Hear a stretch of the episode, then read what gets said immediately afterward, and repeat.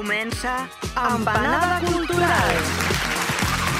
Un programa cuinat per Paul Dibler, Adriano Calero, Carles Martínez, des de Ràdio Fabra.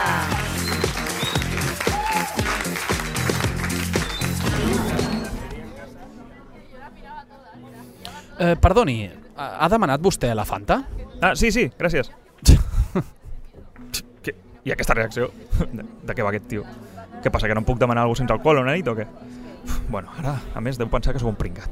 Uh, tothom aquí fent els seus cubatilles i jo aquí com un idiota sol. Pensar que coneixeré algú um, i és que a més ja, ja no es fa això de sortir sol i tornar acompanyat. Uh, aquesta merda d'època que vivim és que... I mira, mira, mira aquestes dues d'allà. Fuà, fuà, la morena. Mare meva. Bueno, que segur que com a persona també val molt la pena, perquè no voldria ser jo un babós. Mm, jo sóc un aliat, sóc un aliat. Uh, bé, això només... Bueno, això que, que, que quedi per mi, eh? Perquè això de ser aliat i dir-ho és com una mica de... Una, necessiteu l'ajuda dels tios, no? O sigui, ser un aliat, això de... Uh, hòstia, i pensar això també deu ser una mica masclista, no? Bueno, en fi, que, i si anés allà, què? Què, què, què els hi diria? O sigui, ni de conya m'atreviria a anar allà a parlar-li, a més mai sé si, si és millor això de parlar dels meus temes, no? fer-me l'expert i tal, o, o, o deixar que parlin i escoltar. Bueno, això, això els hi mola, no?, a les dones, això de... de... Hòstia, hòstia, hòstia, que ara em miren. Mm, Arriuen de mi o, o amb mi? Hòstia, hòstia, la morena, la morena, està venint. Ah, ves somrient, es deu pensar que sóc retrasat, no? Bueno, retrasat no, eh, que això, que això no es pot dir, això no... no. Ni, no, no, no, no, ni, ni pensar, perquè això és un monòleg interior i tampoc ho puc pensar. Um, persona? Persona amb lleu retras cognitiu. Va, sí, millor. Uf, estic tan fora d'aquestes nomenclatures d'ara, tio. Què faig, què faig, que, que està venint, que està venint? Uh, li dono uns petons, li dono la mà, li, li dono un petó a la mà, li, li, un petó al colze. Um, dos petots potser és bastant masclista, no? I a més ara que, que, que potser no està ni vacunada. Que, que no passaria res, eh? Perquè llibertat per tothom i tal. No, no sé si serà d'aquestes que, que diuen no, és que ens hem plantat xips i tal. Uh, que qui sap, eh? Vull dir, tothom... Amb, ara amb tot això els polítics, jo com la religió, eh? O sigui, agnòstic fins que no em confirmin ni m'ho neguin res i tal, eh? Però bueno, sigui com sigui, hòstia, necessito, necessito contacte, però no vull ser una desesperat, que això és de febles i a les ties no els agrada. Bueno, ja hi torno, hòstia, feminisme, feminisme, hòstia. Uh, uh, hola. Hola. Merda, és un tio. Bé, que no vull despreciar el moviment LGTBI, eh? Que difícil és viure al segle XXI.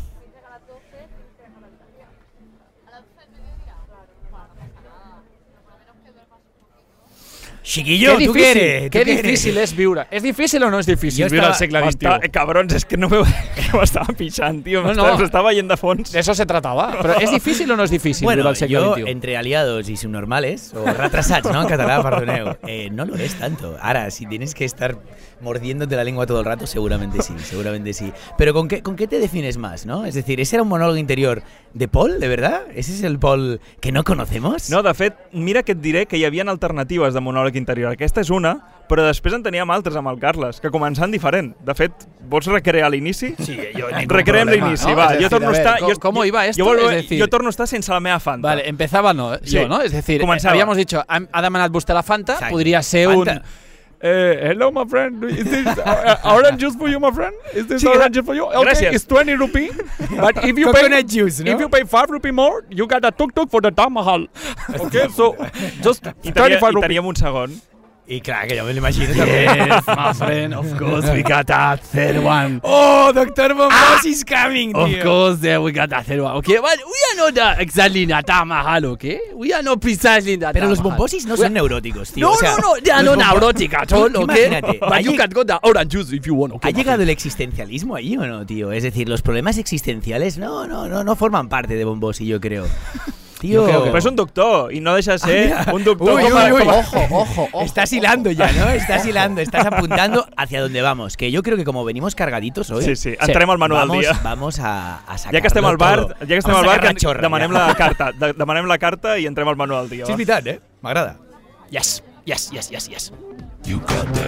Ens podreu trobar a Facebook Empanada Cultural, Twitter Empanada Cultura sense L, Instagram Empanada Cultural, tots els podcasts a Spotify i els videocasts a YouTube.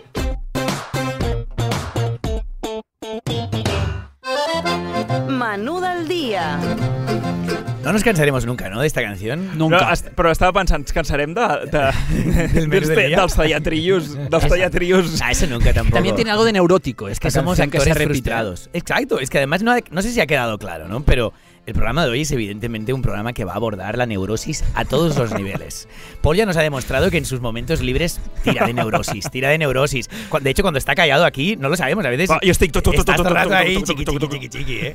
Pero bueno, si, si lo que buscamos son los ejemplos que nos van a permitir hablar de neurosis, va, venga, empiezo yo, que empiezo yo hoy Por el favor. programa. Empiezas y Y acabas, empiezo con, eh? exacto, no, no, y empiezo con mi presección, ¿no? Mi presección porque hoy os traigo una serie que me hace muy feliz. verla. Volvemos a la serie, es decir, apartamos un momento el cine. Bueno, en el fondo las series ya son cine también, pero nos metemos de lleno con la primera serie de filming, no, no la primera Sí. distribuida por ella, evidentemente, sino la primera serie producida por filming. Una serie que se llama Doctor Portuondo, de Carlo Padial.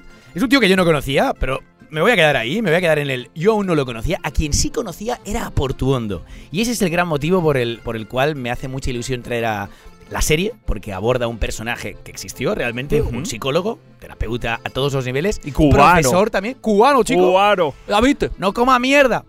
Eh, que además fue el profesor de mis padres, los dos psicólogos. Uno ejerce y otro no, pero los dos están igual de locos. És una pel·li dels Goya, eh? sea, el professor de mis padres. se va a hablar de Doctor Portuondo, pero, Pero nunca también- los astros se van a liar- alinear de tal forma como en el programa de hoy, Hoy en la que puedes hablar, no hablar de mi libro, sino de propiedad. mis padres. Pero esto para el final, lo dejaremos para el final. ¿Tú qué nos traes, Carlas? Bueno, eh, jo, jo diguéssim que vaig una mica a buscar els arquetips i una mica les arrels d'aquesta neurosi, no? I què millor que fer-ho amb una imatge molt concreta i molt icònica, i ara mateix molt pop, com és El grito d'Edward Munch. Munch, Munch, això és com... Bueno, això serà com, decir, com sí, els sí. grans noms que sempre sonen en empanada, no? Pero se escribe Munch, ¿no? En el fondo y se pronuncia Monk. Ya está. Justo a la Lo fusta. tenemos todo ahí. Com Nietzsche Viche, no? Exacto. Para Ceviche. Bueno, jo acabaré, si em dóna temps, amb una saga de, de, de còmics que jo crec que quan vam estar parlant, hòstia, neurosis i tal, un dels que em venien molt al cap és el personatge protagonista, que no avançaré el nom perquè és bastant catxondo del protagonista, però sí que estem parlant de Transmetropolitan, que jo crec que és un dels grans neuròtics de, de saga de còmic, i a més és una saga còmic que ja venia de fa temps que volia portar, perquè és una d'aquestes sagues grandioses, o sigui que, a més tu, Carles, crec que la volies llegir, ja te la deixaré perquè realment és Sisplau. una passada. I a més, periodisme. Ah, ah. Yo creo que nos tendremos que tomar alguna tila después del programa, Sí, ¿eh? sí, de sí. tanta neurosis aquí. Bueno, ya la traemos, no nos engañemos, no nos engañemos. Pero vamos allá, ¿no? Y Vamos tan. allá. Sèries.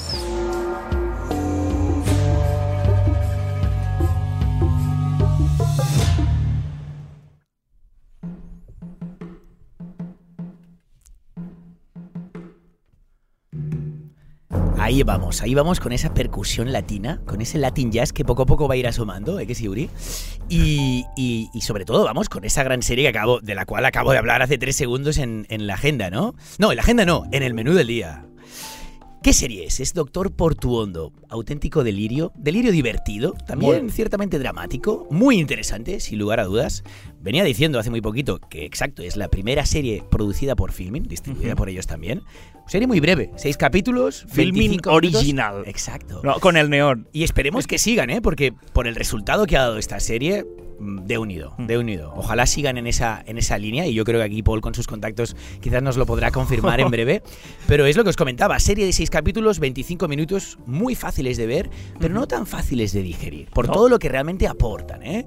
Como comentábamos, ya la podéis ver en la aplicación desde, desde octubre y es además, y es además la última aportación de Carlo Padial. Que, que bueno, eh, aquí me parece que tú lo conocías bastante, ¿no? Totalmente. Sí, de- De 2012. buena mano, de un cafetico, ¿no? Bueno, no tanto, Ah, pero. no tanto, ah, ¿no? Si- Sitges 2012, mi loco Erasmus. Vale, es que claro, Padial es un tío muy conocido en el mundo del posthumor, del que luego seguramente Carlas nos podrá aportar algo más. Yo no lo conocía, sí que había oído nombrar su nombre, pero no había visto nada de él. Y ya os lo digo, aparte de humorista, director y escritor, es otro neurótico de pro y un chaladito de estos simpáticos que últimamente se deja ver en Leitmotiv. Por cierto, se deja ver Ah, muchísimo. ara que acaba, no? Claro, por ahora que está también muy vinculado a Berto Romero, a toda esta peña. Bueno, és tota la gent... que ya no es posthumor, que es el humor más. Bueno, es el bueno, humor depèn, más de, clásico. depèn, ¿no? de, depèn de què hagi fet Berto, sí que és... Perquè quan van fer a, a Algo Muy Gordo, Era vale, claro, era- pero era ahí es exacto, ahí lo aclaramos, sí. dirección Sí. Padial con algo muy gordo, eh, Berto Romero, ¿no? Interpretándola. De hecho, me recuerdo un programa en el que llevaron a Padial muy al principio, en el 2017, y, y, coño, el Buenafuente lo presentó como si fuera un tío de carreteras secundarias que finalmente llegaba a la Nacional. Ajá. Y hostia, me- el comentario estaba, bueno, estaba bien calzado en el momento, pero por otro lado era como diciendo, el posthumor está en un entorno de carretera secundaria, el humor que hacemos nosotros, el humor más mainstream, por eso no hablaba tanto de Berto Romero, sino de Buenafuente, esa es la carretera nacional. Bueno, ya veremos, ¿no? Porque si tenemos tiempo comentaremos un poquitito más algo, algunas películas que ha hecho y sobre todo cortometrajes y locuras para vengamonjas, etcétera, etcétera. Pero vamos a- al auténtico protagonista del día de hoy, al Vamos, menos de la sección de, de cine series, que es nuestro querido doctor Juan Antonio Portuondo Espinosa. De ahí el título, ¿no? Doctor Portuondo. ¿Quién era este buen hombre? Un cubano exiliado en Barcelona desde finales de los 60, que lamentablemente nos dejó, nos dejó también aquí en Barcelona, en el año 2005, y es sin lugar a dudas una de las figuras más importantes de, de la psicología moderna, ¿no? Una eminencia en psicología clínica, psicopatología, psicodiagnóstico, psicoterapia, psicoanálisis, el test de Rorschach, ¿no? Lo de las Ah. manchitas. Eh, vamos, el doctor perfecto para un programa de empanados neuróticos como el que hoy traemos que no solo le ha dado este, este título, ¿no? Que os comentaba a, a la serie, sino que además ha nutrido a Padial. Si, si analizas un poquitito la obra, la última parte de la obra de Padial, no solo le ha nutrido para hacer esta serie, sino que le ha nutrido de historias y reflexiones que le han dado para mucho más. Porque Padial acaba de estrenar esta, esta serie, pero no nos engañemos, ya era un libro. Ujú. Era Doctor Portuondo, un libro, por cierto, De Blackie Books. de Blackie Books. Yep, ¿eh? yep, yep, yep. que nos habló en su día Bea y que de hecho, volviendo a Buena Fuente, porque estaba viendo entrevistas en las que aparecía Padial, eh, él mismo también se encargó de, no sé si es que pillaba sobre bajo mano, pero Buena Fuente hizo como una presentación de Blackie Sí. Books muy a lo grande. De eh? fet, Blackie Books, jo crec que en gran part s'estan especialitzant en, en publicar posthumor. O sigui, no especialitzant, però que, que tenen molts autors. Jo crec que el Noguera, tots aquests, quan han publicat els seus llibres, eren Blackie Books. A mí lo Sí. que me flipan son las portadas. Es decir, De cosas Books no, muy- sí. como Siguen siendo muy cookies, en la línea muy aquello que cookies. también- Sí. de lo que nos habló Bea, ¿no? no? Sí, sí. O sea que tenemos libro, Doctor Portuondo, tenemos serie, Doctor Portuondo, que es de lo que realmente hablaremos hoy, pero además tenemos unos vídeos en YouTube, unas entrevistas grabadas por el mismo Padial, con Portuondo aún vivo, expresando soda- toda su, todo su... En el fondo, todo su bagaje, experiencia, sabiduría, diversión, ¿no? Porque esa, a esos niveles de inteligencia y conocimiento siempre hay un punto de delirio. Eh, yo así también, antes no sé si lo he mencionado en un momento, pero hostia, así veo a mis padres también, con, con esa sabiduría que, que muchas veces está cercano al, touch. Y del mismo Portuondo en, en- en todo, ¿eh? En la serie, en el libro, lo deja muy claro. Eh, la mediocridad es aburrida, es la normal, ¿no? La normalidad es aburrida. El delirio, la neurosis, Sí. eso es muy interesante. Eso es muchísimo más interesante y provechoso. Un apunte, ¿eh? Tú estás hablando de Portuondo, que le dio hizo terapia a tus padres. No, no. Hay algo de. No, terapia no, ¿eh? Profe, profesor. Profesor, profesor. Profesor vale, vale, pues perdón, me Pero había esas confundido. clases, en el fondo eran terapia. Date cuenta, ¿eh? Es que me ha decir, llegado. hay algo biográfico en la sección que traes hoy. Y yo creo que, evidente- o sea, evidentemente, hay algo de biográfico. Salen los en, créditos de la serie. en, en Carlo Padial haciendo eh, esa serie respecto a lo que había hecho. Exacto. Hay algo realmente autobiográfico. Dejemos la parte. Muy guay que lo recuerdes, de- pero vamos a dejar el- el- la parte marujeo para el final de la sección y veamos por qué Padial realmente ha sacado tanto provecho de este tío. Pues que porque Padial necesitaba terapia. Él sí necesitaba terapia y la necesitaba muy jovencito y yo creo que la sigue necesitando. Pero la tuvo y la tuvo con Portuondo durante unos cinco años a principio de- del siglo, ¿no? O sea, en el, del 2000 al 2005 aproximadamente, hasta que Portuondo murió. Y, y sí que es cierto que él iba allí a hacer terapia, pero al final, de la misma manera que he dicho en un momento, las clases con Portuondo se podían convertir en terapia, estoy convencido que la propia terapia era también una gran enseñanza, era también una gran clase, ¿no? De hecho, el mismo Padial lo explica así. Dice, desde pequeño soy un neurótico, sentía vergüenza de existir, miedo a la muerte, angustia oceánica. Eso es muy Woody Allen. Y solo tenía ocho años. ¿eh? Mi única esperanza era el doctor Portuondo, un psicoanalista cubano exiliado en Barcelona que gritaba a sus pacientes. Juraba en nombre de Freud y bebía whisky Johnny Walker. Es la persona más asombrosa que he conocido en mi vida. También la más sabia, la más imprevisible y la más divertida. Y claro, siendo Portuondo tan grande, yo creo que es que Padial se obsesionó con él, de hecho queda claro en la serie. Eso es lo que realmente nos cuenta allí, en la serie Doctor Portuondo. Nos habla de esa obsesión, una obsesión que le llevaba incluso a querer impresionar a su propio psicólogo con, con más neurosis y sobre todo el aprendizaje que ya ha dejado muy claro que realmente supuso esta terapia. Así que, ¿qué os parece si vamos a escuchar el tráiler? Que esta vez no hará falta ningún traductor porque creo que todos lo entenderemos. Parece que no le interesa nada de lo que le digo. Tu definición de la vida. Es como que no, no consigo acceder. ¿Está claro que pasas de mí? No, no paso de ti. Es verdad, nunca te había visto así. Estela, es que quiero que me cure este tío. Las historias que tienen el resto de pacientes son increíbles. Hay zoofílicos, o sea, hay coprófagos. Es que nadie habla compulsivamente de su terapeuta. Es que es muy raro. Soy un narcisista edípico de manual, complicación fálica y un inhibicionista también. Te lo cuento para que veas lo neurótico que puedo llegar a estar. Estás jodido. ¡Esteban! Entenderte, vivir autoanalizándote, tocarte por dentro. El psicoanálisis te cura, pero cuanto más consciente eres, más sufres. Esa es la gran paradoja psicoanalítica. Qué grande, ¿eh? Cuanto, cuanto más consciente eres, más sufres. La gran paradoja psicoanalítica. Mucha razón este tío. De hecho, eh, echándole un vistazo al libro y sobre todo complementándolo con la serie, está plagada de frases lapidarias que, que realmente son no solo divertidas, sino auténticas ¿no? pozos de sabiduría. Una, una, por ejemplo, ¿eh? dice, Carla, y te la digo a ti, A ver, visualiza a ver. tus metas. Carlas, visualiza tus metas y objetivos. Focus. ¿Los ves? Los veo, ¿Sí? los veo, los tengo presentes. Pues ahora sigue comiendo doritos. Bueno, clar, els títols dels capítols són, són, molt, són molt Exacto. lapidaris, no? Él, él aprovecha todas estas reflexiones en forma de frases lapidarias y se las lleva muchas veces a los títulos. Sí. De hecho, hay un título que es eh, claramente una frase de, de Portuondo que yo he oído muchas veces en casa, que es Cuando la bestia ruge, la razón tiembla. Y esta ya no es tan divertida, ¿no? Esta es como mucho Sí. más serena y, y potente, ¿no? O yo te miraré con tus ojos y tú me mirarás con los míos. O sea, el nombre del capítulo sea ahí. esto. O sea, es- es- De hecho, no, hay uno, brutal. hay un título que es si tu hijo tiene problemas para concentrarse y se distrae fácilmente, a lo mejor yo soy tu hijo.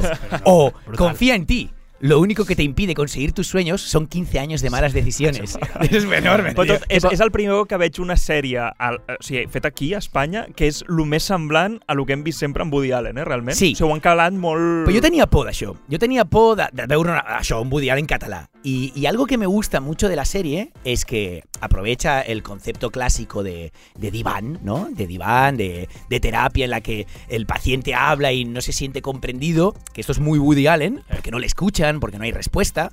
Y aquí está utilizada esa idea en, la forma contraria, ¿no? Por un lado, el propio Padial dice, era tan interesante por tu hondo, y él, y él sabía que lo era, que muchas veces era él quien se sentaba en el diván, porque era mucho más provechoso lo que él tenía que decir que lo que yo tenía que contar, ¿no? Pero además de eso, sí que hay un punto donde la implicación de Portuondo va mucho más allá. Es decir, si hay un silencio, es porque igual lo que le está dando son migajas reflexivas.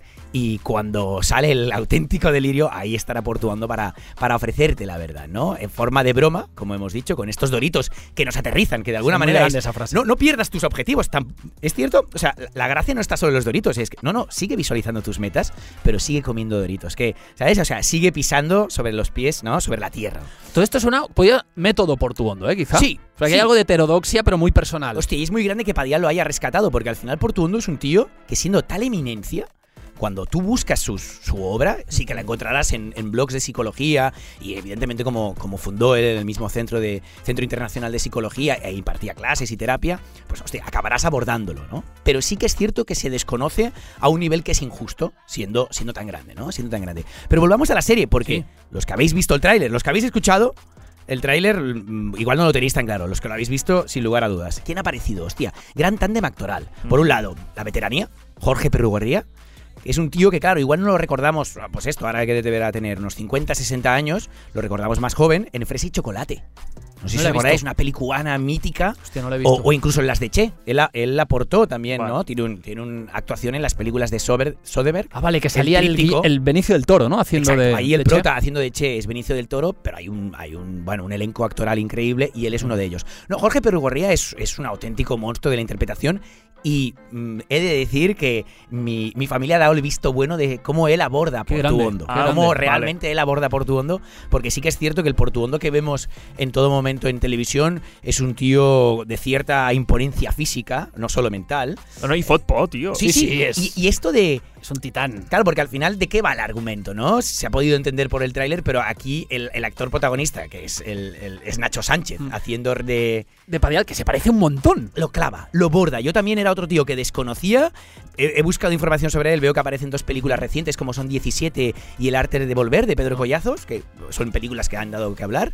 Pero hostia, viéndolo eh, como, como Carlo Padial, como paciente de este gran Portuondo, es, es increíble. De hecho, el mismo Padial lo dice, ¿eh? hace una versión más convincente de mí de la que pueda hacer yo mismo. esto es muy Padial, esto es muy póstumo, ¿no?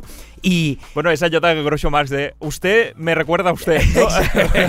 tiene este punto sí. Marciano. ¿no? También. Totalmente. Pero lo que se estaba contando, ¿no? Es como eh, Padial, en, en forma de Nacho Sánchez o en forma de actor, ¿no? Eh, lo que está haciendo continuamente es intentar impresionar a su, terapeuta, a, a la vez que intenta aprender y sanar su neurosis, ¿no? Y en, en esa ambición de sorprenderle es donde digo que, la versión familiar ha, ¿no? confirmado que, realmente era así, porque era un tío que imponía. O sea, lo que me dice sobre todo mi madre era que, que el portuondo real era un tío que imponía muchísimo desde lo físico y desde lo mental. Aunque a ella siempre la trató como una reina porque mi madre en esa época estaba embarazada de mí. Hostia, qué bueno. Estaba embarazada de mí cuando estudiaba para Portuondo y de hecho la llamaba mamá Osa y la trataba con mucho cariño. Pero era un tío que tanto podía ser muy atento y muy afectivo como muy agresivo. Como muy agresivo y, y de, y de, bueno, esto, ¿no? Hay una frase en un momento que dice, deja de comer mierda, ¿no? Deja de comer mierda. Enano, pero enano no físico, no, sino enano mental, enano moral. Y cuando echa, echa a los, a los pacientes que tiene, que los echa casi a patadas, ¿no? De la consulta. Ell, ell, ara tampoc voldré fer spoilers, però cap al final ja ell es comença també, no, el prota, a dir soy un enano, però a, a, psicológico, ¿no? Como es como le digo, un enano, soy un enano, Un enano mental, un enano enano mental. mental, ¿no?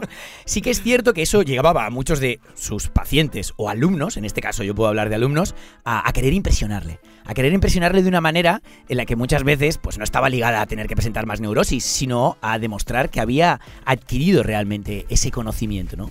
Pero poniendo a un lado, ¿no? La figura de Portuondo, esta figura tan, tan enorme y, y tan necesaria en el fondo, incluso para el siglo XXI, eh, lo que estábamos comentando en base a la serie, ¿no? Que aparte de ese tándem actoral de Nacho Sánchez y Jorge Perugorría, hay un elenco de secundarios increíble que van pasando por ahí. total. Algunos mejores, otros peores, Eh. ¿no?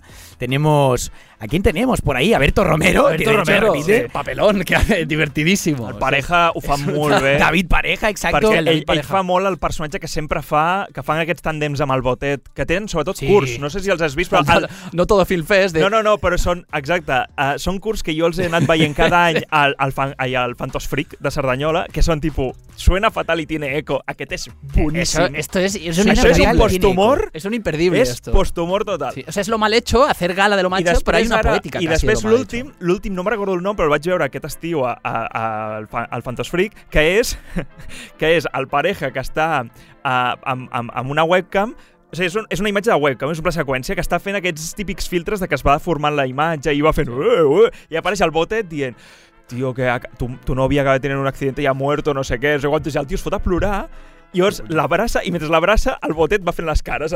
Veu que està fent allò i fa... Uh, uh, Esto, uh. esto es muy Don Pepe Poppy de Don Pepe Bermud, Poppy, que era un poco esa idea del posthumor, Claro. que Jordi Costa reflexionó Exacto. sobre el tema. Se han puesto muy cachondos aquí mis compis, lo estáis Es que viendo, lo estáis viendo, lo estáis viendo, ¿no? Porque sí que es cierto que Padial bebe de todo, de todo este humor, que no solo lo ha liderado él. De hecho, tú me hablaste de una suerte de, de productora, ¿no? Que eran los pioneros del siglo XXI. Sí, totalmente. Y ahí están vinculados, pues, cineastas de renombre como Bermud, ¿no? Que ha, ha derivado en otro tipo de cine. También el Padial, os digo que aquí en esta serie ya no está haciendo lo mismo, Mm. incluso a nivel de factura, ¿no? Me hablabais de cómo estos cortos, hostia, son, hacen una oda a lo cutre Sí. y, y lo aprovechan desde la reflexión y la inteligencia.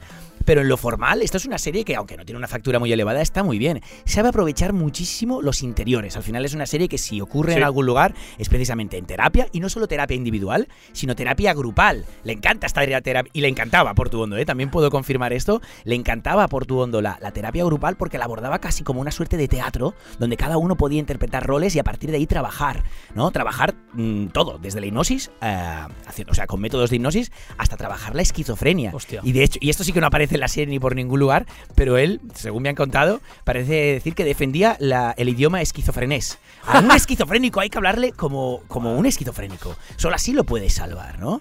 Era- Carisma, es puro carisma. Sí, este tío era, era. O sea, te he de decir una cosa. Mm, he conocido a muchas personas en mi vida y quién va a decir que no en base a su padre, pero hostia, mi padre tiene un mogollón de carisma.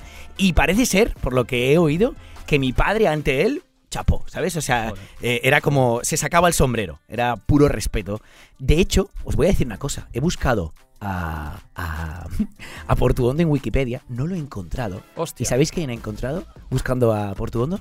A tu padre. A Fernando Calero de la Pava. Qué grande. Es decir, la mención que se hace Seu de. Portuondo es a través de mi padre, que es muy potente. ¿eh? Editado hace una hora por Adriana. Por Adriana. No, mola porque va saliendo, va saliendo los programas. Hay una empanada cultural donde Sí, salió, sí. eh, la dedicamos día- a raíz de, algún ¿de día qué era? ¿De qué era? Que le dedicamos a una editorial, creo. Editorial erótica. Sobre la erótica. Esto, esto, esto. Eh, muy interesante, recuperando lo que has dicho de personajes secundarios, a mí me sorprendió muchísimo, Adri, descubrir a Lil Moss, que es un poco como el trapero amable de la escena. Una escena donde básicamente hay música oscura, de drogas, de eh, oye tu puta, tal. De repente aparece ese chico gordito eh, con la sonrisa siempre puesta, que es Lil Moss, y que en la serie aparece siempre eh, jugando a la Play con otro colega y, y no dice nada y está ahí como en el fondo de la habitación eh, de- donde están los compañeros de piso de- del, de- del Vale, chico, del, del vale. protagonista de, de la Claro, serie. está el, el Carlo Padial, eh. ¿no? interpretado por Nacho Sánchez, que es verdad que menciona siempre eh, como en su casa hay dos tíos jugando todo el puto día a la consola, Sí. y uno de ellos, que no tiene ni una línea de No, no, diálogo, no, no. es precisamente este Lil trapero, trapero que suena un tío que hace trap, ¿no? Lil Moss, que yo no lo conozco, El trapero amable. pero sí que es cierto que es un personaje que pasa No, no. totalmente de, de soslayo, pero está ahí, ¿no? Aportando seguramente y construyendo ese concepto familiar que tiene al final esta, esta onda del posthumor jo y del humor una español al final, ¿no? La Estela em flipa, aquest personatge. Sí. ¿Quién es la la, Estela? la, la, La la Casanovas. novia. Ah, no, no, vale. La que le dice en el tráiler, no he conocido a nadie tan És- obsesionado a- su terapeuta, ¿no? A part de la relació entre ells dos, que és demencial, però ella, com a personatge, com a actriu, jo no la coneixia i he al·lucinat amb aquesta actriu, tio. O sigui, m'ha encantat el personatge. I sobretot sí, cap al final, bé, ho fa molt bé, cap al final, eh, eh, tu Carles no ho has vist, però cap al final Clar, hi ha no una escena Bueno, unes quantes que van seguides, tu saps, no?, quina dic, Adriano, però allà ella ja és... Joder.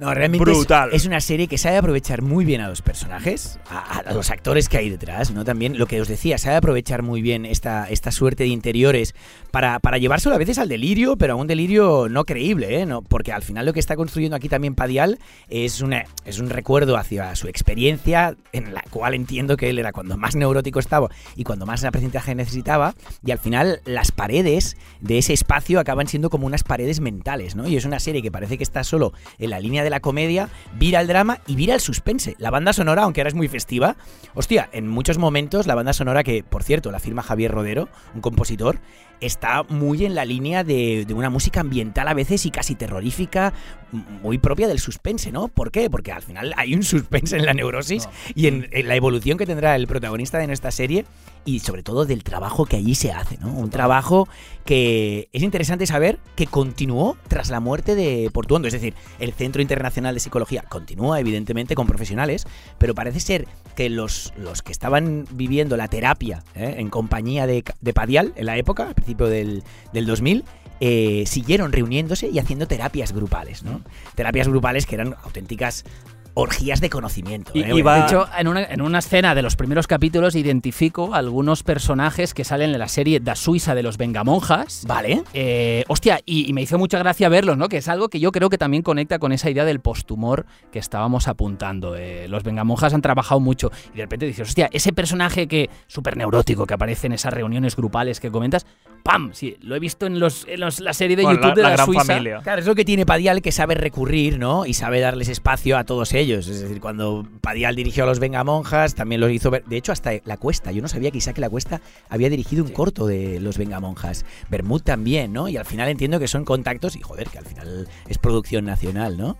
Eh, muy interesante. Yo voy a acabar diciendo simplemente esto, ¿no? Que es que es una serie que ofrece todas esas realidades de géneros, pero sobre todo también tiene mucho provecho intelectual. Frases que nos van a servir de muchísima ayuda. De hecho, le hice en un momento, ¿no? Que te explicaré algo muy sencillo que tardarás años en comprender y está claro que Padial ha seguido tirando del hilo y, y ojalá se, no se mueva, es decir, siga con un pie en esa realidad tan surrealista y tan delirante del posthumor, pero también sepa hacer eh, productos un poquitito más accesibles, ¿no? Y son accesibles en la medida que, que, que, no solo tienes que ser un tío, ¿no? Que te guste lo absurdo y que, y que estés ahí comiendo ganchitos delirando frente a la tele, ¿no? Porque, porque es un, ya te digo, es una serie que entra y sale muchas veces desde, desde la, de, la esquizofrenia hasta, hasta la cosa más lírica y más poética, ¿no? Uh -huh. un, un, apunte, cuenta, cuenta. Eh, ya, una curiosidad. Eh, tú y yo tenemos un vínculo muy especial con Sitges. Carlo Padial lo tiene también a un nivel que, que, que, que cuando lo descubrí flipé.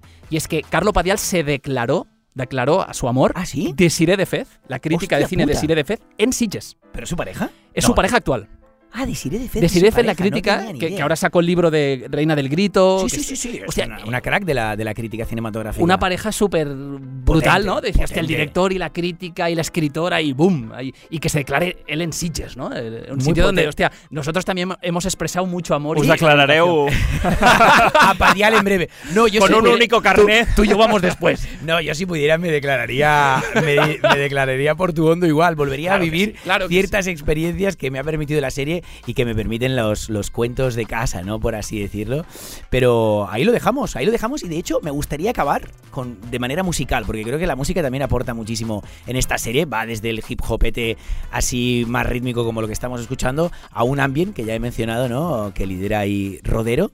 Y, hay una canción en especial que creo que representa muy bien la neurosis, el bucle, el vacío y, y la existencia en el fondo. Así que vamos con esa canción y de ahí pasamos a nuestro amigo Carlas y su Munk Munch, el grito.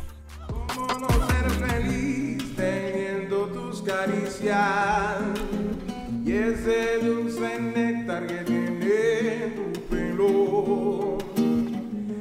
soy feliz sabiendo que me miras y de esa brisa que mueve tu pelo. Pero si un día te vas, se acaba todo para mí.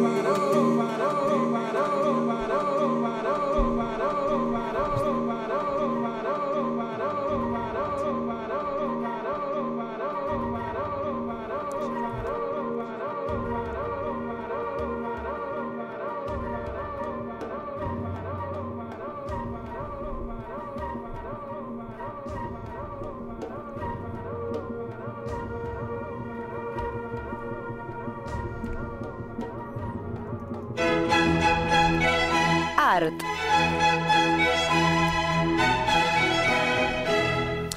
Me ha flipado eh, ese bucle en el que estaba entrando la canción eh, y que representa claramente el tema de este programa, esa neurosis, ¿no? Eh, torno al català. M'agrada. Si també té alguna Això és de neuròtic, Català, castellà, eh? català, castellà, castellà, català, català, castellà. Bueno, doncs eh, a la secció d'avui parlem de, del crit d'Edward Munch, eh, del noruec Skrik, però abans crec que és important donar 5 cèntims, no 4 ni 3 ni 2, 5, ni 6 ni 7 ni 8, 5, ni 2 ni 3. és important donar 5 cèntims sobre un moviment on trobem aquesta obra, que és l'expressionisme.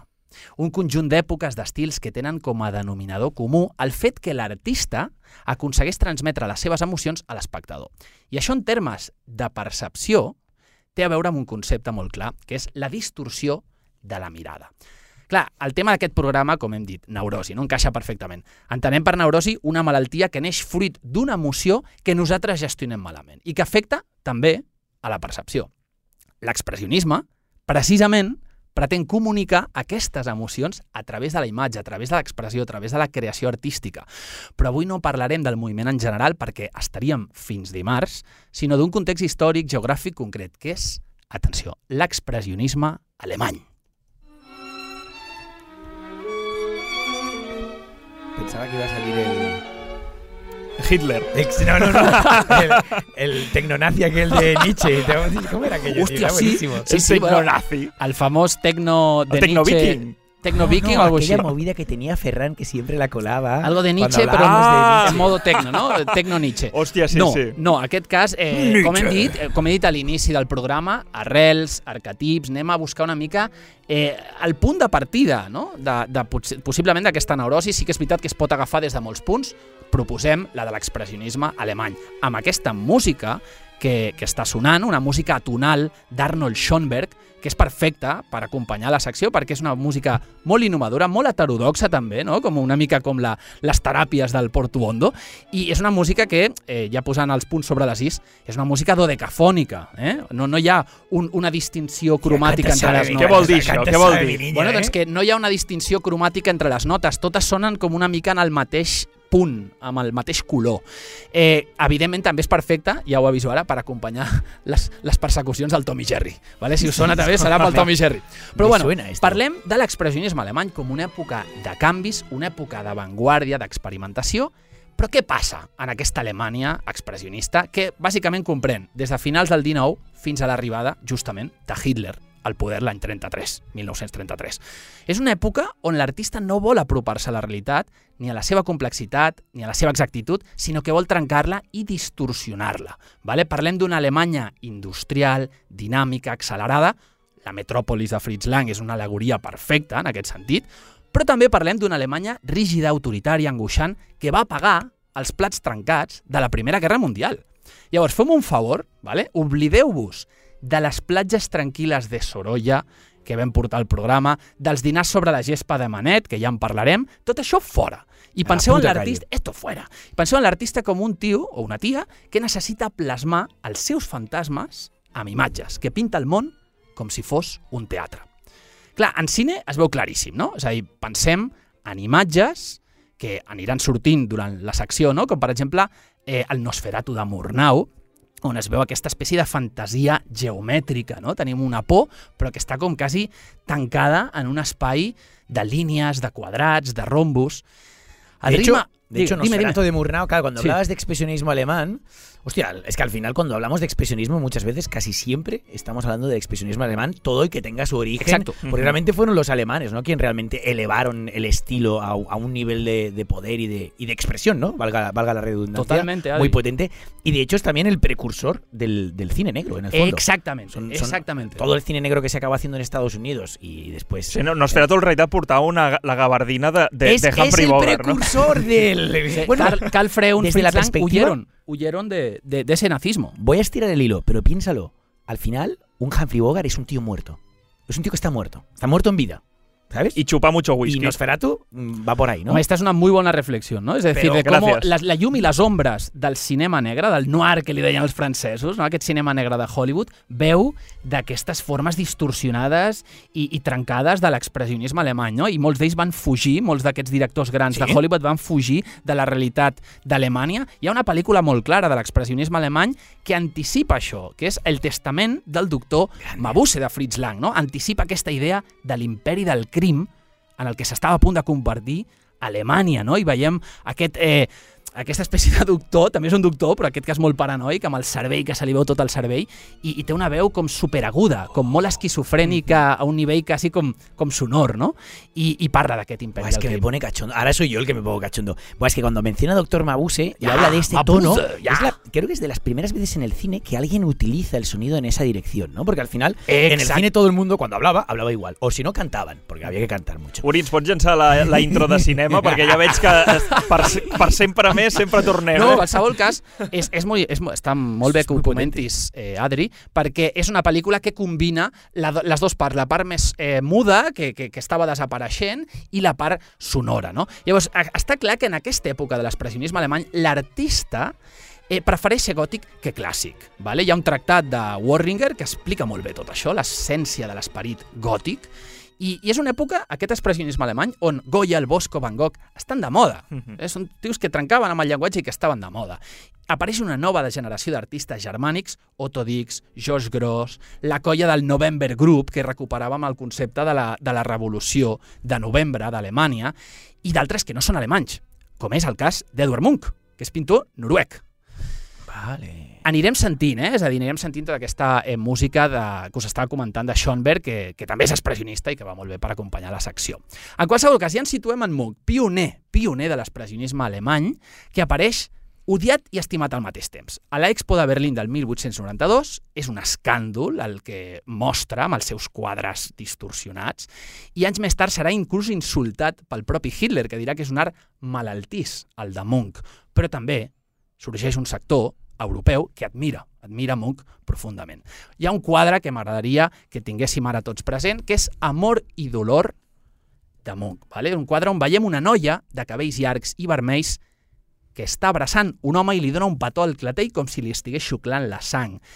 Eh, és fàcil recuperar el que acabes de dir fa un moment, Adri, aquesta idea de la fem fatal eh, del cinema negre de Hollywood es veuria potser anticipada en aquesta mena de vampiresa que està xuclant-li la sang o li està donant un petó, no s'acaba de veure ben bé, però en qualsevol cas sí que hi ha alguna allà eh, anterior que podria anticipar aquesta espècie de maldat sensual no, el, de la el, dona. tio, el tio aquest que està així ajagut sembla el malo de la última de Toy Story. Saps el Nino? El Nino. Saps el Nino? bona.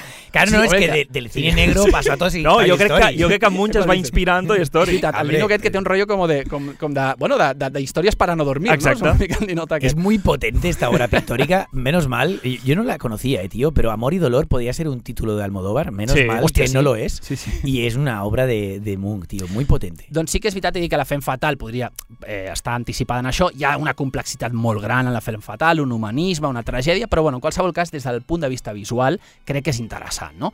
Tot això desemboca en què? En l'obra capital, l'obra mestra de Munch, que ens porta en aquesta secció, que és el crit, Scrink. Eh? Hi ha quatre versions d'aquesta obra. La que mostrem està pintada amb oli sobre cartró, es pot veure a la Galeria Municipal d'Oslo, agafeu el metro demà mateix i Sí, després de la pau. i té un sentit tràgic de la vida absur que absorbeix del simbolisme, del postimpressionisme. Acabem de dir que Van Gogh estava de moda, doncs, evidentment, els postimpressionismes, com Cézanne, Van Gogh mateix, Gauguin, estan molt presents en això. I els temes clau que, diguéssim, destila el crit, que són, eh, per cert, representats d'una manera com molt impactant i sintètica, eh, com podeu veure. La por, penseu que la germana de Laura, que va estar eh, internada eh, per trastorns bipolar, la, la germana de, de Munch, que es deia Laura, va estar internada per trastorn bipolar. La mare i l'àvia van morir de tuberculosi. Ell tenia una salut molt dèbil que jo crec que es veu reflectida en, en aquesta obra i, per tant, la por eh, Mhm. impregna tot el conjunt. Una frase, recuperem, que deia el mateix eh, Munch, arran d'aquesta obra i, i d'altres, que deia «Enfermedad, muerte y locura fueron los ángeles negros que velaron mi cama». O sigui, doneu-vos compte del drama i, de, i també, evidentment, de la neurosi no? que, que desprèn una obra com, com aquesta. L'altre tema és la solitud. Veieu aquí aquesta figura eh, que està, bueno, és una figura andrògina, espectral, desesperada, en una clara solitud. S'ha detingut sobre un pont i crida en silenci, presonera d'una angoixa que no la deixa descansar, no? I darrere de seu l'estan ignorant. Hi ha uns individus que, que passen d'aquesta presència, no? Eh, Fixeu-vos també en les impressions, els colors irreals que maneja el, el quadre. Hi ha un ús violent de la perspectiva, aquesta diagonal que talla el quadre, vale? que inclús podien recordar aquestes notes violentes de, de Schoenberg, contrasta molt amb aquesta espècie d'ondulacions del personatge i del paisatge que, vem, que veiem darrere, és a dir, diagonal, fixa, recta, ondulacions, la persona, la persona és la que està ondulada, no està rígida, sinó que està quasi en un estat de nàusea eh, constant, no? I, i, I com deia, no? en aquest horitzó, en aquest paisatge, que bàsicament està representat en el cel i l'aigua, hi ha uns ritmes que organitzen els elements en una espècie de coreografia orgànica i deformada. Realment, es que es potentísimo. No, O sea, es muy. Yo estaba aquí callando para que tú puedas aportar toda. No, no, ob- obviamente, porque realmente es, es una obra que, que ya lo decía bien Hitler en el fondo. Es malaltisa, pero. Una frase que se tiene que decir más. ya te- Hitler tenía razón, al menos en esto. Lars von Trier, ella- Lars von Trier dijo esto, because ella- I understand, ella, I ella, understand Hitler. est estem, estem parlant que és un tio que va anar a una acadèmia d'art. Sisplau, Hitler sisplau, un tío algo bomba. tendría que decir. Sí, però... Molt grande, Pol, eh? A més, va sortir escaldadíssim. Hitler No, va, però, va acabar molt indignat És malaltís perquè... o no és malaltís? És sigui, supermalaltís. Ell, en un moment has dit que, que Hitler había dicho que era malaltisa l'obra, o como mínimo el expresionismo alemán. Y es, que es Exacto. muy cierto, o sea, cuando tú ves esto realmente acabas enfermando. Es decir, acabas empatizando de tal manera, y no sé si la empatía sería el, el- el- el término a utilizar, pero sí que es cierto que la propia obra acaba cazándote desde su propia neurosis. Es decir, la expresión que ha conseguido Moon a través de lo pictórico hace que no solo sea contemplado, sino que realmente salga como una gran película, ¿no? Es decir, aquí ya no necesita. Este es un tío que no necesitaba ni mucho menos al séptimo arte, porque desde esa, Sí. desde esa obra plana, que no lo es para nada, ¿no? en el fondo la no, composición hace que sea pura agua y delirio. Sí. Hostia, es que te quedas muy impresionado, aunque sea el expresionismo. ¿eh? Realmente. És un expressionisme que impressiona. Impressionable. Impressiona, joder. Clar, com s'origina això, no? És a dir, partim d'una experiència de Munch, no? Que podria ser més un rumor que altra cosa, però bueno, anem a explicar-ho. Estava passejant amb dos col·legues a les afores d'Oslo quan de sobte es va emocionar davant d'una posta de sol en un fiord i deia que, tremolant d'angoixa, vaig sentir el crit vast infinit de la natura. És ecoterror, és un quadre Hòstia d'ecoterror, eh? Clarament, és a dir, i aquí, evidentment, això entroncaria, eh, si voleu, amb una visió romàntica d'aquesta idea de, de, de traslladar els sentiments i les emocions en un quadre a través del que estàs veient, el paisatge, el caminant entre els núvols de Frederick, és això. El que passa que aquí t'ho està trencant a un nivell formal que flipes. Però bueno, hem apuntat ja, diguéssim, les punts importants, d'acord? I jo crec que ja podem tancar eh, aquesta secció amb una curiositat i una pregunta. La curiositat és que aquest any, a inicis, el Museu Nacional de Noruega ha confirmat que la frase borrosa que gairebé no es veu al fons del quadre, a la part superior, va ser escrita pel propi Munch. Sabeu què hi posa? Hi Hitler. Ojalà, Pol. Ojalà. Ojalà eh, aquesta fos la frase. Lo que hi posa és solo pudo haber sido pintado por un hombre loco. Ah. Good. ¿Cómo, se, ¿Cómo lo cuajáis esto? O sea, esto es como... eh, eh, Es- ¿está, es está como- confesando? O sea, ¿realmente creéis que podría estar confesando que estaba... o- Bueno, está, yo, creo que está un aceptando? ¿no? Es, es Aceptando. la primera vez que oigo la frase, ¿no? Porque de hecho nunca la A había un leído sobre el perfecte cuadro. espanyol, eh? Sí, sí, literalmente. Pero, pero joder, yo creo que es más bien un tío que acepta la locura como parte de la esencia humana, ¿no? Es decir, volviendo un poco a la sección anterior con Sí. Portuondo, es, hostia, mm, la mediocridad es aburrida en tanto que no es real. Al final el ser humano está más cerca de la neurosis y de aprender de ella que de otra cosa, ¿no? Y es un poco lo que aquí Munch nos ofrece. A mí me queda la duda si hay algo de ironía en esa frase. de, solo pudo haber ser. sido pintada por un hombre loco. Pero bueno, yo creo tiene que algo de Marx también, ¿eh? No sería de un, de un club que tuviera un socio como yo, ¿no? Es decir, es un parece un trampantojo literario al final, más que visual. en qualsevol cas, és una cosa molt d'avantguàrdia, molt de modernitat i, com hem dit, molt malaltissa, no? Totalment. I ja per acabar, eh, quin famós personatge dels 90 Concurso. Creieu venga, que va- Otro. Bien, bien. concurs, quin famós personatge dels 90 va, va estar inspirat en el crit de Munch? Ah, solo en casa. El niño solo en casa. Pista, pel·lícula de terror. Hòstia. Ara és molt radiofònic, eh, aquests, aquests No, no se silencis. vale mirar. Pista, assassí. Assassí en sèrie. Um... ¿Y estamos hablando de cine clásico? Ah, o no? Scream! Hòstia puta, el claro. Ghostface, el Ghostface de la saga Scream eh, està Ya inspirat... decía yo que me sonaba el Monk. I, me i amb, en això, amb això doneu-vos a compte que sempre que estem portant obres d'art a la secció, o sigui, aquesta secció d'emparada cultural, hosti, eh, sempre la cultura pop, et dones compte fins a quin punt acaba vampiritzant Sí, és que se tenia que llamar- aquest art i el converteix en objecte de consum. Ui, i no parlem de Scary Movie. Es que Si us plau. no entiendo por qué se también, llama también. Cultural este programa cuando se podría llamar. eh, ¿Cómo sería? Neurosis... Eh, en Pop, podcast. Podcast. ¿no? Podcast. Podcast neurótico-cultural. Eh, No. o, o podcast, que és el que tocaria ara, eh? Noi? Sí, toca podcast. Venga. Per favor. Còmics.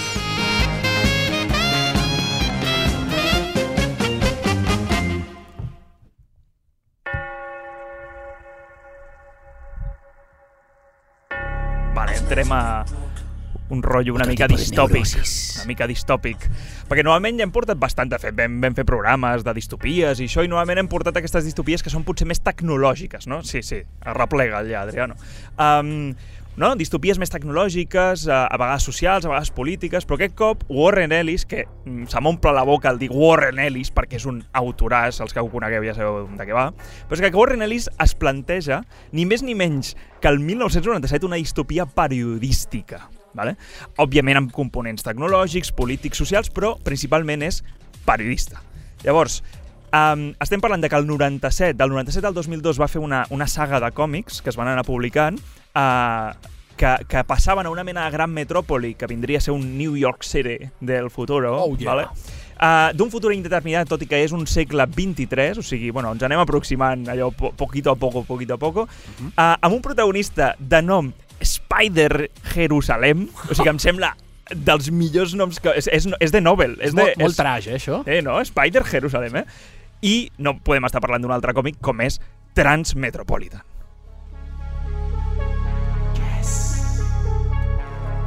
Sí. Darks. Home, si un nom, un nom com uh, Spider Jerusalem, a més amb, el, amb, amb, amb la forma física que té tu que estàs fullejant, Adriano, el personatge És brutal, és un és personatge brutal. estranyíssim, pelat de dalt a baix, però pelat, pelat, Y con un tatuaje. eh, De Spider. De, de una Spider. de Spider. En- su en el tarro. De fet, dando de idees fet no us he portat el primer, el primer número, però el primer número, el primer de tot és que aquest tio el rescaten de- d'una cabina, allò, cabin in the woods, no? Una, Hòstia. una, la típica barraca al mig del bosc, um, perquè el van a buscar, com, sabeu el còmic, bueno, que han fet la- l'adaptació també en pel·li de Polar, que, que, la, Ah. que la va interpretar Mads Sí, sí, Mikkelsen. hòstia, sí. Doncs, eh, Sí, sí. que no el van a buscar per o matar-lo o perquè mati algú, perquè encara, no, allò, típic, tio, típico. típic tio retirat de, que era un mestre en, en su oficio, no? i el van anar a buscar. En aquest cas, eh, el còmic, tota la saga, comença de que ell s'ha retirat i és un, un periodista. De fet, és un periodista gonzo, que això tu, que vens Ei. del periodisme, saps que perfectament tú què que vienes del Ah, porno. El Gonzo. Yo sé de qué va el tema.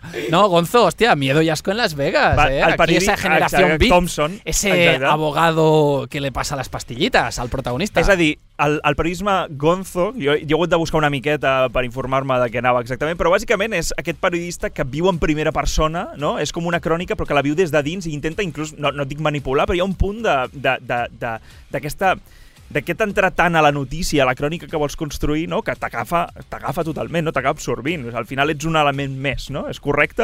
Sí, Sí, sí, o vale, sea, gràcies. No, no, dic que l'ori- l'origen d'això està en una crònica que un tio va fer drogadíssim, que ara no estic recordant el nom, però ho enfoquem a la, a la generació beat, i que va, va tenir superèxit. I el tio havia escrit a l'últim minut eh, drogadíssim i això va quedar com, bueno, emblema. Com un referente, no? Generació Bueno, doncs em, em, ve, em ve perfecte que diguis lo de drogadíssim perquè el personatge protagonista, que jo és per això l'he portat com a neuròtic, és un tio ja no només allò, tatuat de dalt a baix, ulleres cool, que per cert hem portat unes recreacions unes recreacions uh, made, Muy made grande. Uah, Chicos, tenéis que poneros el vídeo ya, Sí, ¿eh? també us diré... Uf, no aguantaré És que això, da, tot el eh? vídeo, Sí, eh? no, o sea, és, O sea, es, un- es no, una... ah, no, de fet, Adriano, posa-te-les No. tu, perquè una, bueno, Adriano, soy tu calvo, ja ¿no? ets calb, calvo, pero me falta i a més portes tatuatges. de la, de la telaraña en la calva. Espera, lo- te lo dibujo. Y un pitillito, ¿no? Me da la sensación de que es un tío Sí, que sí. siempre lleva un pitillito puesto Bueno, en, en estem la parlant d'un personatge de mal humor total, antisocial, narcisista, mal parlat, Com mal, jo, joder. mal parit total, uh, mega neuròtic, és un personatge que Eh, va bé, partir bé. sobretot de la droga lisèrgica dura, també és un superneuròtic, addicte a les drogues, de les més... Uh, a més, estamos en el futuro, tot de la droga. Son pero no hace falta droga, ¿eh? Con estas putas gafas. Ja, ja, ja. Un modelo a seguir. És Estem un modelo a parlant, seguir. pels qui no estigueu veient, són aquestes típiques ulleres que podríem dir d'aquest fals 3D antic, l'únic amb uns colors diferents. No, eh, eh, eren així? Que eren Bueno. verdes, verda croma, no? Sí. I vermelles, vermelles. Sí, el 3D, llavors, les de llavors, 3D. Una, una ullera és rectangular, per dir-ho així, i l'altra és rodona. Llavors, clar, et fot un efecte que et rebenta el cap.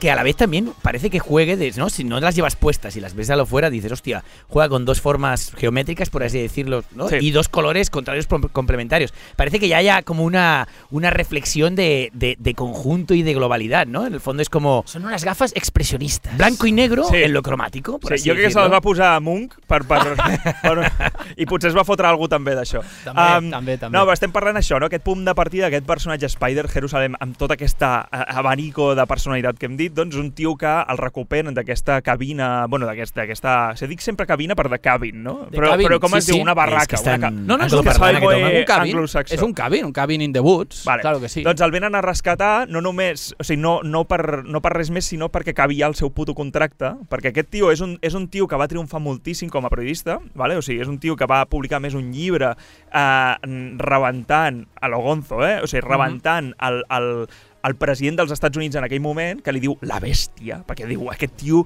aquest tio és un monstre, és un, és un, o sigui, és un despiedat, no? No sé què. I Era más Trump que el de ahora, ¿no? Entiendo el- no, la aquí, versión ara, que... ara vindré, ara vindré amb tram, eh, perquè esto, tot i que són al final dels 90, això està de revista d'actualitat, com ens, ens agrada dir, eh? però estem parlant de que aquest tio, quan arriba al poder, el president, diu, ei, pues me retiro, me voy, no? És com, gana Vox, me voy, ¿sabes? Llavors el tio se'n va, se'n va al bosc i el recuperen perquè diu, "Ah, estate, que has d'acabar el Deja de ser contracte. ermitaño, que has meramente. I si no, et prendrem les pertenences que tens ara, no? Llavors el tio torna a la gran ciutat, es rapa, perquè va, va com un ermitaño total, es rapa, torna al aquest carismàtic personatge que, que era abans, diguéssim, i llavors entra a formar part del, de la columna d'un diari que es diu The Word, no? que és la palabra, no? la paraula. Aquest, ja al final ja et dona a entendre de aquest tio ve a ser que un messies periodístic, Sí, no? Sona molt totalitari, no, tot això? Sí, sí, sí. Bueno, clar, estem... eh, El futur sempre és totalitari. Sempre, sempre. El futur és sempre... Llavors és, un, és una columna on ell es va dedicant a fer temes d'actualitat social i sobretot política, que és el que ell toca, no? Més, més de prop. I a més sempre acompanyat d'aquestes dues assistentes, primer una, després entra l'antiga assistenta que tenia a, en, en la vida anterior, per dir-ho així, no? que els van ajudant, i també, òbviament, aquestes assistentes són... Um, no, no són com ell, però també deixar-les anar perquè va, van per lliure bastant, periodísticament. Llavors, um, el tema central de la saga, us he dit que partia en la seva anterior vida a, a intentar derrocar aquest president dels Estats Units, però de cop, aquest monstre, però de cop se, uh, se n'adona de que hi ha un aspirant als Estats Units, o sigui, un, un dels candidats, que sí. encara és pitjor. Llavors diu, vale, hay un gran enemigo, però després aquí hi ha un altre candidat que... Quin és menys malo, no? En que, sí, llavors aquí eh, sí que entra molt la idea d'ara que seria de Trump, no? Aquest, aquest personatge de que també és molt aclamat pel poble, per cert poble, Ah, ara aquest còmic, òbviament, és americà, llavors surten molts rednecks, no? Aquests, aquests, el, aquests, aquesta Vamos, gent que que ja no estaban és... atacando el, el Exacte, Parlamento, ¿no? el Capitolio, no? America, Amer- Hauríem de recuperar aquest personatge, Carles.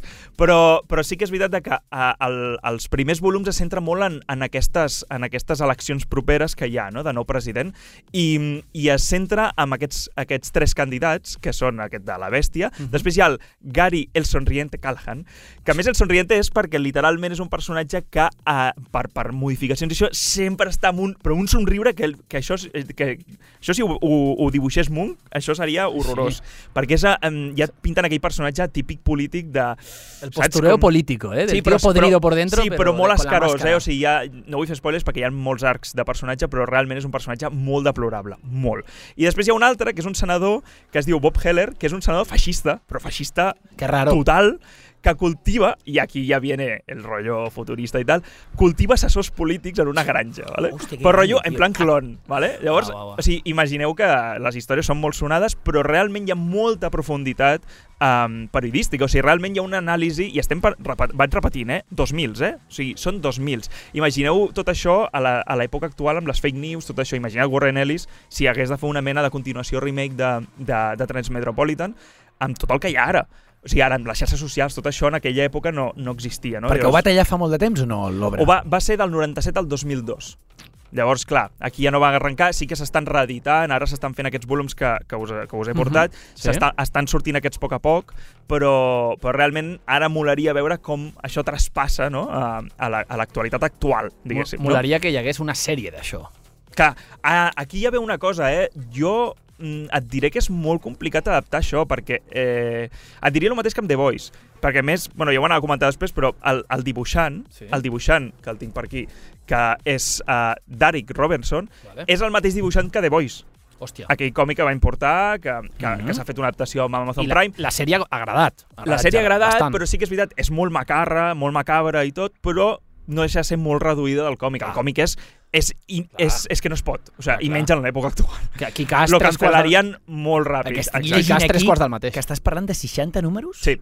O sea, sí, vale, vale. Ya veo que el guión ai, ¿Para qué, pa què lleva un guión? El, Hay pistes, tio, hay No, no, pistes, no. eh? El, uh, són 60... Sí, sí, són 60 números que, que venen del 97 al 2002 uh, que estan sortint aquests, diguéssim, toms de, de 10... O sigui, són, crec que són com 4 històries cada un o així.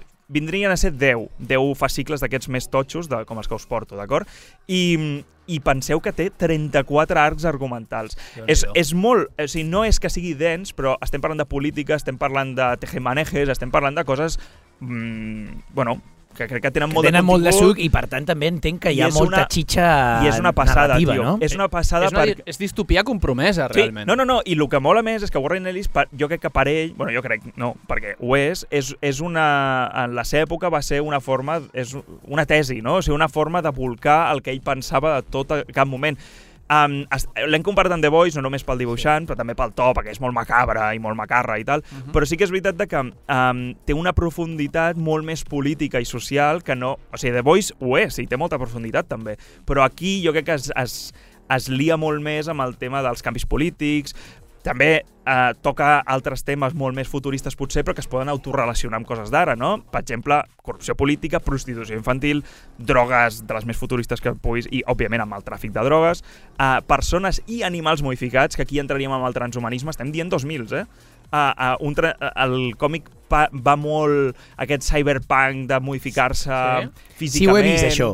Això quan estava fullejant una mica he vist que realment és, té aquest punt una mica steampunk, no? Sí, sí, sí. Bueno, steampunk no, eh? Cyberpunk. Steam, Sí, vale, vale, una Ah, mica Steampunk cyberpunk. seria Wild Wild West, que, que Sí. millor oblidar-ho, Sí. de, de Will Smith. Sí, Però, bueno, I Metròpolis, un punt, no? O... sí, de exacte. Lang. Però, però que em refereixo de que mm, és, un, és un futur, sí que una mica... Òbviament hi ha aquest punt tecnològic, però, però que, per exemple, la religió com, a, com adapta la tecnologia també. I la religió, hi ha fascicles de- de- d'aquest còmic que tracta molt el tema de la religió i és brutal. No us diré res perquè realment els arcs són molt bons i són, i a més, amb molts girs.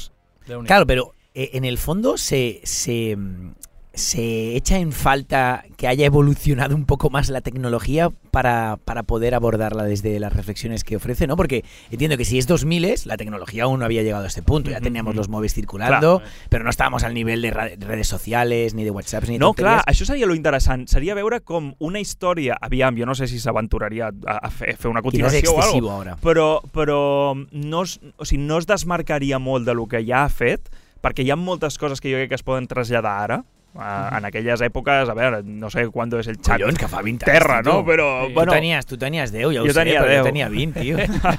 no, no, perquè em refereixo Happy de, Twenties. que si, que si això ho portéssim a ara, ja et dic jo, això adaptat, jo espero que no ho facin, però és un còmic que a- ara estan adaptant que tots està en els còmics diàleg, que està en possibles. diàleg segurament per però, adaptar, però estan, no? ho estan adaptant tot. Ara l'últim, i, i ja està cancel·ladíssima, la de Y, l'últim hombre, la van fer, cancel·ladíssima, i jo crec que és un... A més, és un autor molt conegut, este, o sigui, a- estem parlant de... Aviam que ho tinc per aquí perquè no em deixi res, però estem parlant de uh, Warren Ellis, de Planetary, Hellblazer, i és un tio que ha, treballat en infinitat de còmics de DC i de Marvel. El tio ha fet des de, des de Batman, o sigui, ha fotut tot. O sigui, ho ha pogut fer tot aquest tio. Però és que narrativament és un tio que domina moltíssim el guió i és dels potser dels millors guions que podeu trobar i sobretot amb aquest noir peri- periodístic de, de, de filar, de històries paral·leles i és molt interessant. O sigui, ja us dic, eh, 60 números, eh, ja sabeu que els còmics, els 60 números són Però- 20, 20, 20 per número, més o menys. Pero te queda claro porque no nos ha traído el primero, ¿no? Para que no... No, que no l'he trobat, no l'he trobat. És que aquests són els de la Bea. Jo crec que aquest, si es fa la sèrie d'això algun dia, eh, claríssimament li pillaria el relevo a, a Black Mirror. Sí? Va- va per aquí? Jo no la veig tan- No, no. Bueno, Black Mirror juga a, juga a favor de que són, són antologies i que al final, si uno no te gusta, vas a l'altre. Ho dic per lo distòpic, eh? Sí, aquí, aquí no sabem que t'ho relacionaria al to, totalment hauria de ser The Voice, o sigui, 100%, Mhm. però en quant a visualment o, o, o al tema de Cyberpunk, pues no et sabria dir, perquè clar, és difícil. És difícil veure una comparativa amb, amb coses que hagin més o menys funcionat, perquè és que a vegades les distopies es queden a mig gas, no? O sigui, i sobretot quan les il·lustres, perquè escrites mm, la, la tesi queda molt bé, no? Però després quan les il·lustres pot quedar molt, molt, molt guarrillo el tema d'intentar il·lustrar el futur, no? I és com una mica... Sí, y por otro lado era como muy expansivo a nivel cromático, colores como muy. ¿no? Realmente muy hinchados, o sea, Sí, llama, sí. llama mucho la atención a nivel visual el- Sí, sí, la sí. obra. Ah, no, no, Transmetropolitan visualment és una passada. A més, té aquest traç també amb les línies molt marcades, els colors molt potents. Um, jo crec que és un... Adrià. gafas, I, coño, I un detall, gafas, Car- aquests colors són Hitchcock. Els colors de rojo y verde, tío, y también son el, el juego del calamar, ¿no? es que al final son todo. I els semàfors. Son todo, no, no, es que exacto, por eso lo decía en un primer momento, que al final es como la idea de, de comprender los dos colores que hablan de, pues, de la dualidad, por así decirlo. Ro- rojo pasión, verde melancolía, ¿no? En Hitchcock, ¿qué digo? Pero vamos, que se han adaptado eh, hasta la náusea. Pues mira, tío, me voy a, voy a acabar esta sección con, con las gafitas. Va, venga, lo voy Vale, a pues intentar, per, lo per voy a tancar la secció, i, i òbviament no, no, no crec que faci falta recomanar-lo, però hi he trobat dos frases d'aquestes de crítics de còmic per internet que m'han- trobat que són bastant interessants, que una A és ver. Transmetropolitan és el punk en cy- Cyberpunk, o sigui, és, realment és una d'aquestes passades um, tralleres, i després és Spider Jerusalem o Cuando el trippy se convierte en còmic. O sigui, imagineu-vos que potser està a un nivell allò... No sé si us recordeu aquell de The Outer? Sí, Te recordes aquell claro. còmic que havia d'adaptar, no sé si ho farà mai, però Taika Waititi... Que, per, Hòstia, que sí. per cert, Taika Waititi ara vol adaptar El Incal de Sí, Jodorowsky. lo Brutal, eh? el otro día. Això fa bona sí, pinta, eh? bueno, déu nhi I llavors, res, comentar-vos que po- podeu trobar tots aquests fascicles a, a Can Fabra, estan tots bueno, de fet estan en mil biblioteques perquè és un còmic que, bastant famós i, i res, acabar amb la frase de In Warren Ellis We Trust. We trust. Nos vamos al menú, chiquillo. Que no el menú, tio. Es No, que es al no, no, revés. ¿a qué al vamos?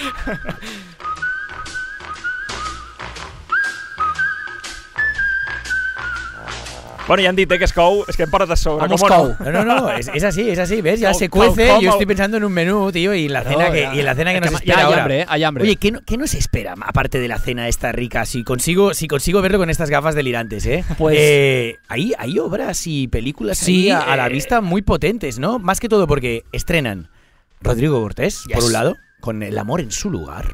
Una película pensava que, cu- s'estrenava ell. En una- no, no, una película que curiosamente aborda el conflicto nazi en, en Polonia, ¿eh? en el enero de 1942. Realmente, hostia, es un argumento que, que me dejó un poco descolocado en manos de Cortés.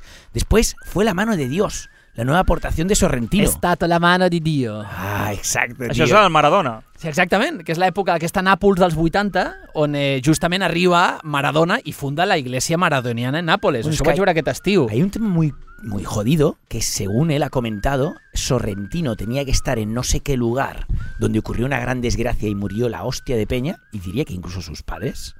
Y él, por un partido de Maradona que no se quería perder, no estuvo allí. Y entonces, de alguna manera, fue la mano de Dios, apela a ese. Maradona que no, eso era, que no solo era su gran, ¿no? Su gran ídolo, sino que además era quien le salvó de la muerte. Él bueno. siempre ha jugado un poco en esa reflexión. Bueno, de fet, Hay, hay ara, algo muy autobiográfico también en esta peli. Ara hi ha un mem que circula, que és uh, Messi, que ja, ja té la setena bola de la pilota d'or, Sí. i ara diuen Si que... se tiene bola de a dir. No, no, no! A aquí, buscar. aquí està, aquí està, que ara ja pot invocar el servo Ya está, ya lo i, i reviure el, el, el Maradona. Te voy a- el reptil este va a venir me va aquí a, a- Le voy a pedir algún deseo. ¿Y qué más tenemos a nivel ¿Qué más cinematográfico tenim? A ver, o eh, a nivel. Jason Reitman estrena la nova de Caçafantasmes, eh, Afterlife, que aquí s'estrena com a Caça, Cazafantasmes Más Allà, que seria... Amb això tancaria la trilogia de Caçafantasmes original. Després es va fer un, una versió, Femini. eh, podríem dir feminista o, o pro-Me Too, si en voleu, però aquesta seria com la, la que tanca la trilogia oficial, vale? i tornem a trobar mítics actors de les pel·lícules de Ghostbusters originals, com la Sigourney Weaver, el Bill Murray, el Dan Aykroyd... O sea, hay- hay- esa, no- esa fiebre de los 80 todavía no ha muerto. Bueno, és que... No. Mentre es puguin tirar del fil... Bueno, siguen tirando del hilo porque creo que reestrenan Matrix, la Sí, original, però ¿eh? per, Matrix perquè 1, facis un remember, para que vayas per- per calentando cuarta, motores, ¿no? ¿Cuándo per la- llega la 4? és, eh, era ara, no?, el desembre. Crec que sí. Sí, sí, sí. Crec que sí. Collons, Sí, sí, sí. Pues mira, Matrix de, 4 de por ahí fet, a la vista De fet, también. crec que el mateix cap de setmana competirà, crec, eh, amb Patrulla Canina. Hòstia. O sigui que serà disputat, eh, el, el cap de setmana. Vamos a ver Patrulla Canina. Jo faria doblete. No jodamos. Jo faria... Sessió doble. Bueno, nois, i a videojoc, que aquí sí que ve un mes um, de traqueteo, uh, ve exposició al Caixa Fòrum de Homo Ludens videojocs per De- entendre el present. De hecho, ha empezado hoy, Sí. el día que estamos grabando. No, Cuando- crec que és la setmana que No, ve, no, no, eh? no. És avui. Hoy, hoy jueves. Ah, em pensava que era la setmana que ve, 2. eh? Jueves días 2, porque está la magia del directo y del diferido. Entonces, Llavors, ve això, ve els Game Awards el dia Ui, 9, ui, que ui, com ui. sabeu, els Oscars són els Game Awards del cinema. por favor. I, I després, el mateix dia 9, o s'estrena el DLC, que vol dir l'expansió d'aquell videojoc que vam parlar largo i tendido, que és Blasphemous, un videojoc espanyol sevillano. No? Brutal. Recordeu? Com de, Sí, com de beat, pixel, no? pixel oh, art. Bestial. I surt una expansió visuales. que, que millor que fer-ho el, el, el dia, no? El dia del videojuego, que és els Game Awards, que ja comentarem... Um, Sí, ja, no, no. ja podríem, podríem fer de que el proper programa dintre dues setmanes jo ja us dic ara que, com cada any, cada any toca Sitges, el Asia, el Molins i No, no, Game y estoy de acuerdo, y O estoy de sigui que acuerdo. Es más, claro. yo voy a aportar también en Sí. esta, en esta Le- línea level- level tan 10, gamer. ¿no? Tan gamer. No, no, no, no. Homo Ludens, tío. Le tengo muchas ganas a esa, a Ah, esa portar, exposición portaràs exposició, de molt bé. Casa eh? Forum. Sí, Molt sí, bé, ja. molt bé. Sí, sí. Toma, ja, jo me No- lo voy a pensar. Nosaltres estem uh, uh, parlant amb una noia que és tester, que és qui, qui testeja videojocs uh, d'Activision Blizzard. Uh, Hòstia. el que passa és que està parlant, està demanant permís a sus jefes perquè, clar, hi ha mil, mil contractes de confidencialitat, però intentarem, de cara a dues setmanes eh, vista, portar aquesta entrevista i, si més no, pues, parlar de com està la situació aquest any de, de, dels jocs i dels videojocs. ¿Qué, cómo, ¿Cómo lleváis la neurosis? Bien, Bé, tío. molt ben bien, portat, bien, molt ben bien, portat. Muy bien. Ara que Realmente, metre les después ulleres- de esto, después de esto, yo ya puedo dormir tranquilo, tío. Eh, nos vemos en unas semanas con el gaming, entonces. Ah, exacte. ¿no? Abrazote. Adeu.